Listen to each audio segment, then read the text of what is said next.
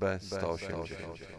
Ras Al Ghul, Year One to komiks bardzo dziwny. Wyszedł z okazji okołofilmowego szumu związanego z Batman Początek, gdzie potwornie okaleczona merytorycznie postać Rasa się pojawia. I sprawia wrażenie takiego skleconego głównie dla podbicia szumu i kasy dziełka, chociaż twórcy nie należą bynajmniej do słabych. Scenariusz napisany przez Devin Grayson biegnie dwutorowo. Pierwsza ścieżka to wydarzenia w Gotham. Głowa demona nie żyje, zabiła go własna córka, a Batman spalił na stosie jego zwłoki. Wygląda na to, że nie pojawi się już więcej. Tymczasem zaczynają się niestety dziać dziwne rzeczy. Dziwaczne wręcz. Pierwszy ofiarą tej plagi pada rabuś przestrzelony na wylot. I chociaż facet mógłby sobie zajrzeć na plecy przez dziurę w brzuchu, dzieją się rzeczy rodem z makabrycznej komedii ze śmiercią jej do twarzy.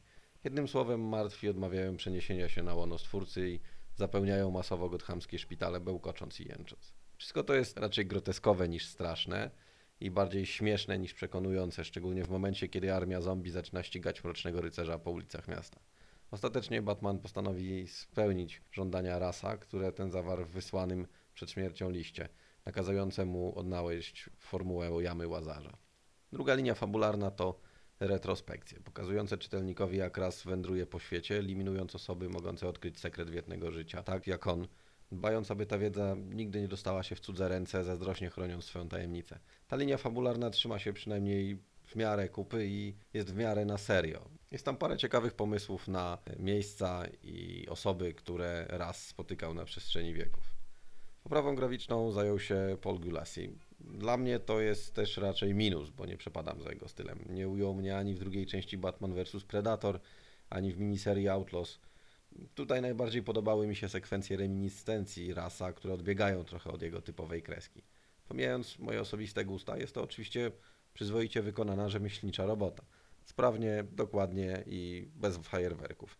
Ale Bat Scooter, Bat Śnieżny wygląda tak, jak powinien wyglądać. I nawet interpretacja Rasa jest naprawdę ciekawa. To jest komiks specyficzny. Ja kupiłem go tylko dlatego, że jego bohaterem jest głowa demona. Ale ja, nawet gdybym wiedział, co czeka mnie w środku, kupiłbym go i tak, z tego właśnie powodu. To album raczej dla czytelników współczesnych, tych, którzy lubią Batmana z gadżetami, stawiającego czoła fantastycznym wyzwaniom. Tych, których nie razi dreptająca po ulicach zawartość cmentarza. Fanów Batmana superbohaterskiego, a nie detektywistycznego. No i oczywiście dla widzów początku, którzy może chcieli sięgnąć po coś więcej, bo podobał im się film Nolana. Boję się, że wiele osób mógł ten album zniechęcić, być może, dając im błędne pojęcie o tym, kim jest Batman. Jeżeli nie jesteście maniakami Rasa, wielbicielami Gulasiego albo Grayson, albo nie kochacie zombie, to możecie sobie ten produkt darować. Nie odczujecie jakiejś straszliwej straty. Pozdrawiam. Godai.